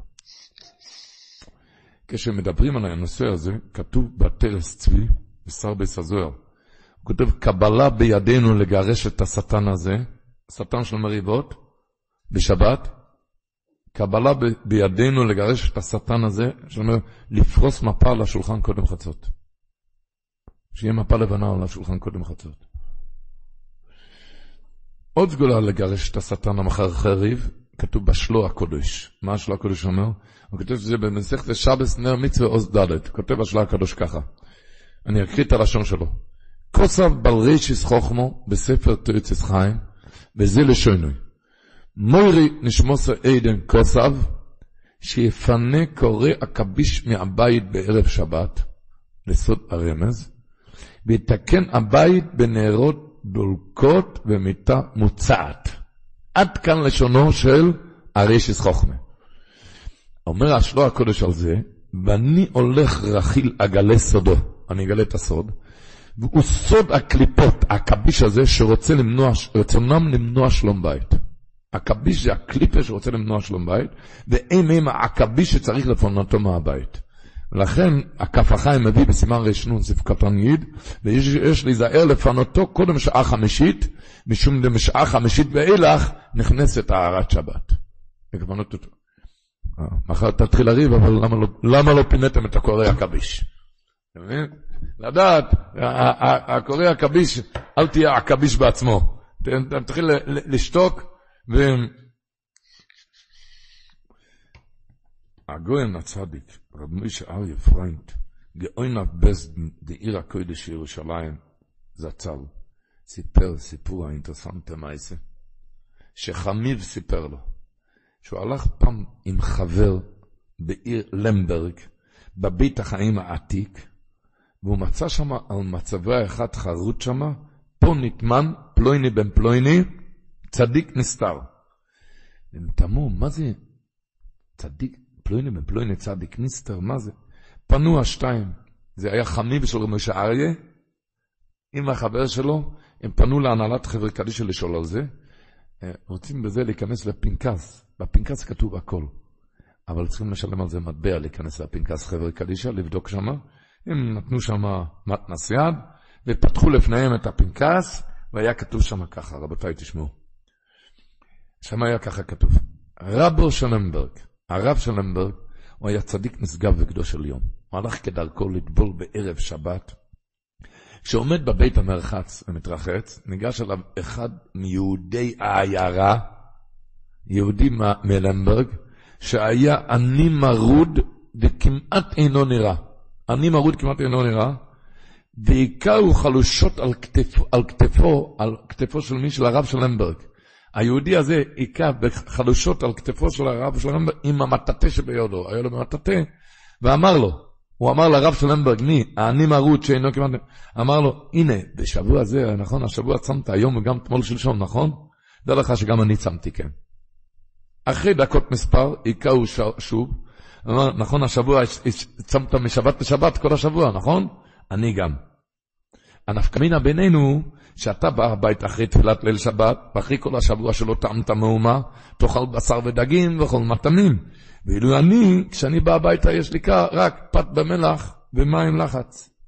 ואתה תדע לך, שאם תבוא הביתה בליל שבת, ותראה שחתול אכל את הדגים שהיו מוכנים עבורך, ותעלה חמתך, ותבוא לידי כעס, אין שום ערך ושווי לכל הצום בשבת בשבת. אם אתה תגיע לאכול דגים, ותשמע, שהחתול אכל את הדגים, אתה יכול לקחת את כל התענית משבת לשבת וזרוק את זה לבוידם, זה לא שווה שום דבר. הרב הגיע הביתה, כך כתוב בפנקס, הוא עשה קידוש על היין, כשבא השעה אכילת הדגים, אמרו לו בני ביתו שחתול אכל את הדגים. וואו, כאן נזכר מיד הרב, מה שאני אמר לו בברחץ, אז הוא לא כעס כלל, כי הוא הזהיר אותו, אם אתה תכעס אתה יכול... אבל אז הבין הרב שלמברג שהעני הזה הוא לא פשוט בכלל, הוא ודאי קלוש עליון. שלח הרב מיד את השמש בסדן לצדיק נסתר, לשלוח אותו לקרוא לו, שיבוא, אמר לו מיד הצדיק נסתר. שהכלל אצל הל"ו צדיקים נסתרים, שבשעה שצדיק נסתר בא לידי גילוי, עליו להסתלק מהעולם תקף ומיד. ולכן הוא אמר לו, תשמע, אני צריך להסתלק מיד מהעולם, אבל תגיד לרב שלך שחבל שלא הגיע לבד, אם היה מגיע לבד הייתי מלמד אותו רוזה אוילם עכשיו, סודות, סודות עולם. המשמש חזר מיד לרב להגיד זה, זה הרב רץ מיד לבית של הצדיק נסתר, אבל כשהוא הגיע כבר שבק חיים לכל חי. זה היה כתוב בפנקס של חברא קדישא, ולכן שמו אותו בחלקה מאוד חשובה, וחרטו על המצבה, פה נטמן פלוני בן פלוני, צדיק נסתר. גם אריה פריינק סיפר את הסיפור הזה, רבה של ירושלים. אז הוא סיפר ככה, מה היה כאן? הצדיק נסתר היה מוכן להתגלות ולעזוב בשביל זה את העולם, העיקר לעצור את הרב של למברג מכעס, אם אתה תאכל, אם אתה תהיה בכעס, תשמע שהחתולה אכלה את זה, בכלל לעצור את הכעס, שלא, שלא ילך כל המשבת לשבת, שלא ילך לריק. אתה מבין מה זה כעס? אתה מבין מה זה כעס? שישתלם לו, משתלם לו להתגלות, ולעזוב בשביל זה את העולם, וכל זה למנוע מהרב כעס אחד, כי מידת רעות ובדת הכעס בפרט מוציאים את האדם מהעולם. נו, אז רבותיי, אנחנו לא צמנו משבת לשבת, אז נפסיק לריב ונפסיק לכעוס. לא רק אם חתול אכל לך את הדגים, גם אם חתול בדמות בן אדם אכל לך את הדגים, גם אל תכעס שלא תאבד, כדי שלא תאבד טובה הרבה.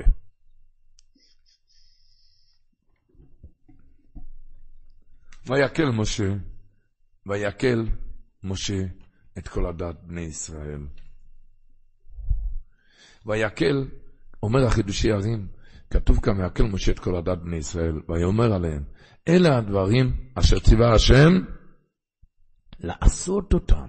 שואל החידושי ערים, למה לא כתוב שלא לעשות אותם? הרי כתוב, מה כתוב אחריך? שבת, נכון? ששת ימים תעשה מלאכה, והיום השביעי יהיה לכם קודש. אז זה שבת, היה צריך להיות כתוב, אלה הדברים שציווה השם, שלא לעשות. אז הוא אומר, ויקל, עשה אסיפה, כולם ביחד, מתוועדים לדברי קודש, זה הדברים שציווה השם לעשות אותם. שיושבים ביחד, בצוותא חדא, באחדות, באחדות. זה מהדברים אשר ציווה השם לעשות אותם. מתכנסים, מתאספים, שרים, שירים בליל שבת.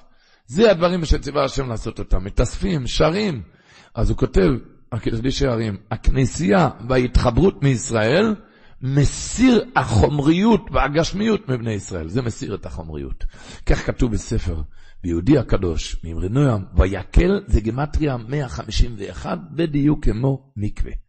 מקווה זה גם 151, כי ויקל, שילדים נאספים, מתוועדים, שרים, ואומרים אומרים דברי תורה, זה מתאר כמו מקווה, כמו מקווה. ידוע לשון של הבלטנגי, כותב באיגרת הקודש, כ"ג, שמעתי מרבותיי, ככה הוא כותב, כאילו נמצא מלאך אחד עומד במעמד עשרה מישראל ביחד.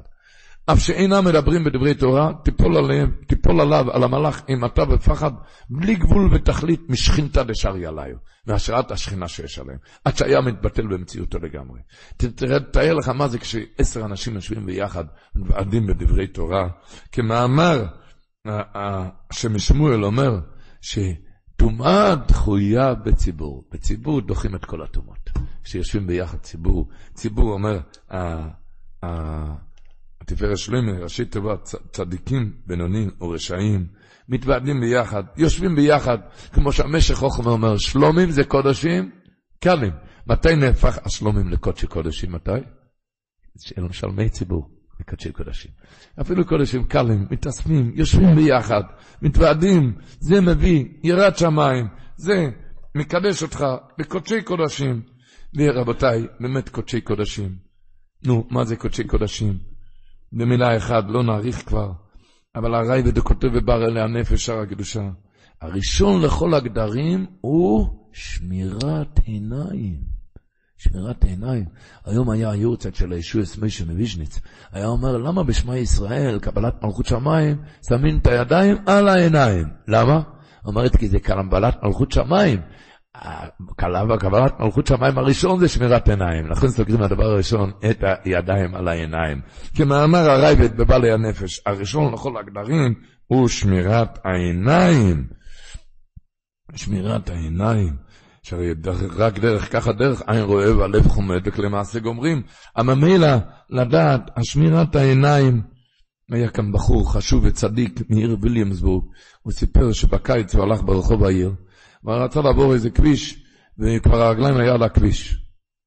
הרגליים, אבל באותו רגע הבחין, היה איזה ניסיון של שמירת עיניים, ובשביל זה מיד הוא חזר אחורה, על המדרכה. הוא אומר, באותו רגע ממש, הגיח לאותו מקום, איפה שהוא היה. באותו רגע הגיע רכב כבד שגוי שיכור נהג, נסע בפראות במהירות עצומה, שללא ספק אם היה נשאר שם, היה מתעלם מיד לישיבה של מעלה. הוא ראה את המוות נגד העיניים, רק בזכות יראת שמיים ניצול לחיים. מה זה יראת שמיים? מה זה יראת שמיים? מה זה גדרים ביראת שמיים? הוא צעק, ואיננו סירנו, ואיננו תירנה מלכותך. שהעיניים יראו את המלכות שם, שהקדוש ברוך הוא, שתמליך את המלכות שמיים על העיניים, אז איננו, תראינה, מלכותך.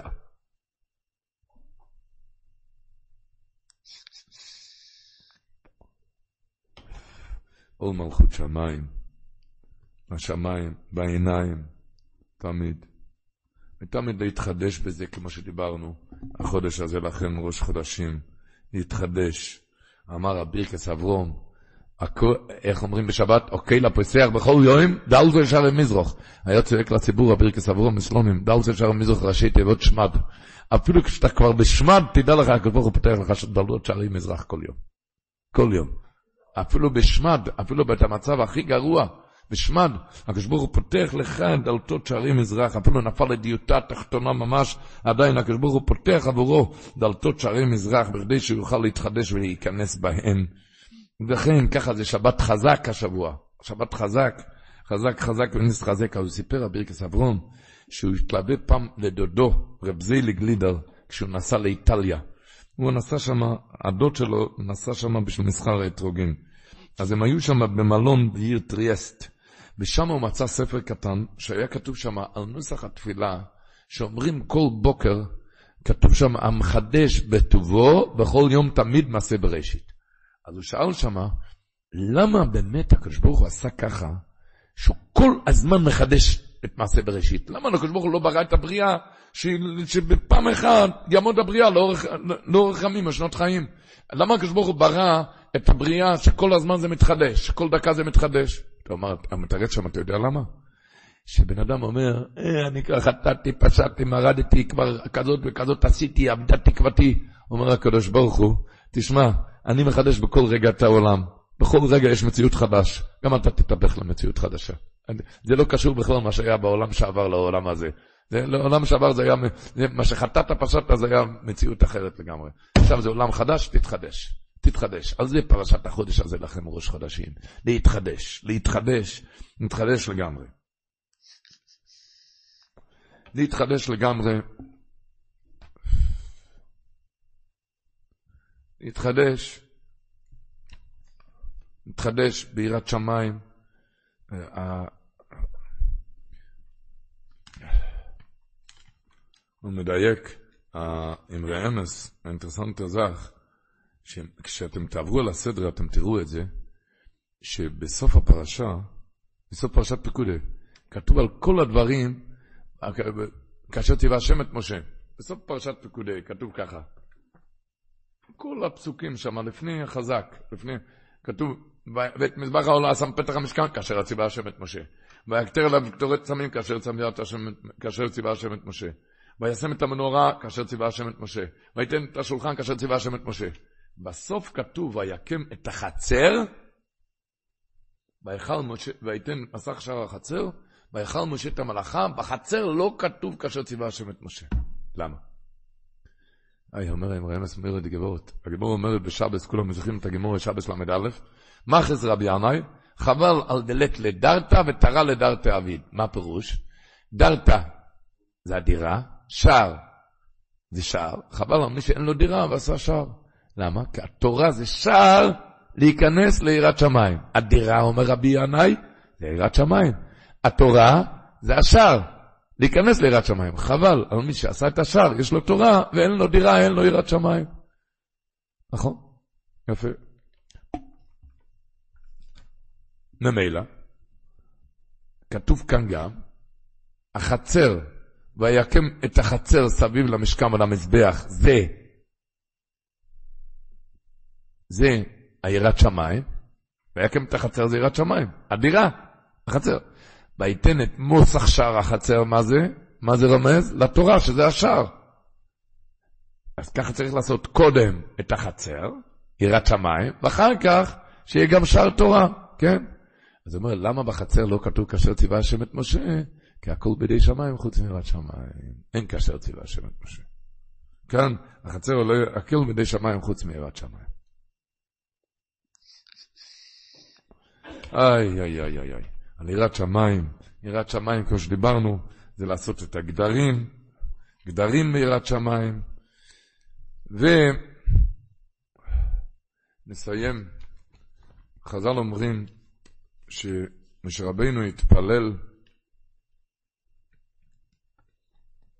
הוא התפלל, ויהי נוים, כשבנו את המשכן, וירא מוישה את כל המלוכו. והנה עושו אויסו כאשר ציווה השם, כן עושו ויבורך עשר מסמש.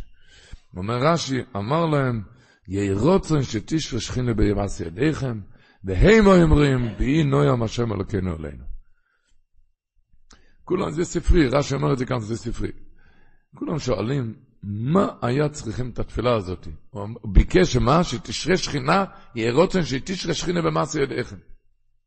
הקדוש ברוך הוא אומר למשה רבינו פרשת תרומו, ועושו לי מקדוש שוכנתי בסויכו. מה אתה צריך להתפלל על זה? שתשרה שכינה. עשית את המקדש, הקדוש ברוך הוא אמר את זה.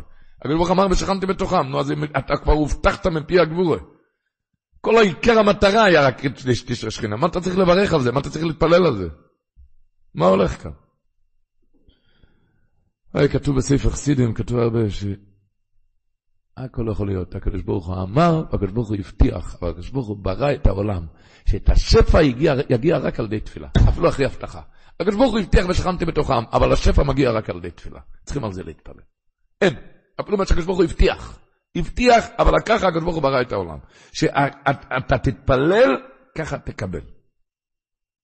ככה היה ככה אברום אבינו, הובטח מפי הקדוש ברוך הוא. הקדוש ברוך אמר לו, אבל סורו אישתכו יולדס לכו. והבא לך גם בא להודיע לו כאיס חיו והנה בין. כן? אבל מה חז"ל אומרים? מתי נולד לצחוק? מתי? והשם פוקד סורו, רק כשהוא התפלל עליו במלך כל המבקש על רחמים, על חבר, והוא צורך לא יסדו, והוא נהנה תחילה. אז אתה רואה, בלי תפילה, אפילו שהקדוש ברוך הוא הבטיח, חייב תפילה. בלי תפילה אין. הקדוש ברוך הוא הבטיח, ככה, בלי תפילה אין. ליסוד הזה, אומר רב צודק, שתי ראיות יש לו, רב צודק הכהן מלובלין, ליסוד הזה. שאפילו מה שהקדוש ברוך הוא הבטיח, בלי תפילה אין. הדבר הראשון אומר, כתוב במלוכים א', י"ח, פוסק א', ויהי יומים רבים, ודבר השם אל אליהו בשון השלישי לאמור. לך ארויה אל אחוב, ואתנו מוטור על פני אוהדומו. הקדוש ברוך הוא אומר לו, לך תלכו ואני אתן גשם. כתוב אליהו עלה לראש הכרמל, ויוסם פונוב בן בירקוב, אומר רש"י, למה? להתפלל על הגשם. מה יש להתפלל על הגשם? הקדוש ברוך הוא אמר, לך ורואה לך ותנו מוטור, על מה אתה צריך להתפלל? אתה רואה, אפילו שהקדוש ברוך הוא הבטיח, אין, בלי תפילה זה לא הולך. זה הדבר הראשון. הראיה השנייה הוא אומר, ממסם בכור יואים, שהרי ראש השונה אז נקצב כל הצ'קים, נכון? כל הפרנסה. מה אתה מתפלל כל יום, פותח את ידיך מזיע לכל חי? רצון. אז אתה רואה אפילו שנקצב מראש השונה, בלי תפילה לא מקבלים את זה. זה כמו מה? אתה קיבלת פתק מהדואר, כן, מקבלים לפעמים כזה פתק מהדואר, תבוא לקחת את החבילה, כן? אז אתה יכול, מוכן לך חבילה. אתה לא תבוא לקחת, אתה לא תקבל את זה, זה נשאר בדואר. זה, זה פירוש. הקדוש ברוך הוא אומר, אני כתבתי לך בראש השנה, אתה תתפלל, תבקש, תקבל.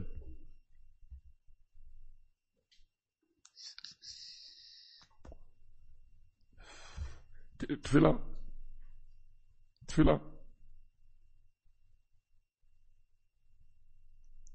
חז"ל אומרים, אין עמידה אלא תפילה, שנאמר, ויעמוד פנחס ויפלל. זה עין. אין שיחה אלא תפילה, שנאמר תפילה להניח חייתו ולפני השם ישפוך שיחו. זה סין, כן? שין. עוד פעם. אין עמידה אלא תפילה, שנאמר ויעמוד פנחס ויפלל. זה עין, עמידה. אין שיחה אלא תפילה, שנאמר תפילה לא נחייתו לפני השם שיחו. זה שין. אין פגיעה אלא תפילה, שנאמר, ואתו אל תספל באדום ואל תפגע בי. זה פה. זה שין, פה, עין זה שפע. שפע זה רק בתפילה. הכל, הכל מוכן, איך הוא אמר? יכול להיות לך מיליארדים בבנק. בלי לכתוב צ'ק אתה לא תקבל סנט אחד, דולר אחד גם לא. צריך עוד צ'ק, עמך בנקאית, משהו. זה התפילה. יכול להיות את הזכויות, מעשים טובה, מעשים טובים, בתורה, הכל. פרס קלבנשטיין אמר, היה פעם מישהו, ענה תשובה על קושה של רב קיבי איגר. רב קיבי איגר נשאר בצריך עיון גדול. הוא ענה תשובה, וכולם אמרו לו, כזה תשובה זה מיליון דולר. מיליון דולר! הוא אומר, היה לו עשר אלף שקל חוד במכולת. הוא הלך לשלם במכולת, הוא ירד עם הרב קיבי איגר הזה. יש לו תשובה לרב קיבי איגר, הוא רוצה עודף מהמיליון דולר. חייב לך עשר אלף שקל, כן? כאן יש לך תשובה לרב קיבי איגר. אתה רוצה עודף. אמר לו, רבי, אתה כאן משלמים עם עשר אלף שקל, אתה מבין? אין עשר אלף שקל, תלך הביתה. הרב קיבי איגר זה קודש קודש, הם על כמה משלמים שקלים.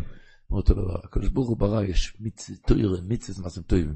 שפע כאן בא עם תפילות, כמו שהמכולתניק אומר לו, כאן עם עשר אלף שקל, כן? אז כאן שפע זה על ידי תפילות. אפילו הקדוש ברוך הוא אמר, ועוזר לי מקדש שכנתי בסויכום. אבל על ידי התפילה, ככה זה הגיע לכאן. ככה, נסיים עם אבות, אמר דברי ישראל, כתוב השבוע, והמלוכו אויסו דיום ועותר. כולם, כל המפורשים שואלים, או די או ועותר. נשאר או די? מה הלך כאן? כל המפורשים מדברים על זה. אז הוא אמר, מספרים, הרבר שלו, זה צ'ייבר, שאל פעם את האוירח לחיים, למה הוא נותן סגולות? לישועות, הוא מחלק סגולות. אז אמר לו, כי כתוב במדרש רבה, ויקרא רבה יהוד, כתוב שתפילה אוי סמחצה, אז על החצי השני אני נותן סגולות. על החצי... אמר לו הטרס צבי, אני עושה יותר טוב. אני מתפלל על כפול, אז אני מקבל... מקבל מתפלל על כפול, אני מקבל את השפע שאני צריך, אני לא צריך סגולות. כן? אז אמר, אתה יודע, והמלוכו אוי סדיים, מלוכו זה מלוכו סתפילה. בגלל שהתפללו על ועותר, לכן היה דיין. התפללו על כפול, לכן הוא קיבל דיין. הוא קיבל די. מתפלל, אז הקדוש ברוך הוא יעזור. אה? כן, מדברים מתפילה עכשיו, הייעוץ של רבי רב מלך, ולז'נסקי אומר, ואוכלוס הבוסור, והלילה הזה צלי אש, אז אומר, בוסור זה דינים. לילה זה הגולוס. איך מכלים את הדינים של הלילה הגולוס הזה? צלי אש, תפילות של אש. תפילות של אש. הקדוש הוא יעזור, שזכותו הגדול תגן עלינו ועל כל ישראל.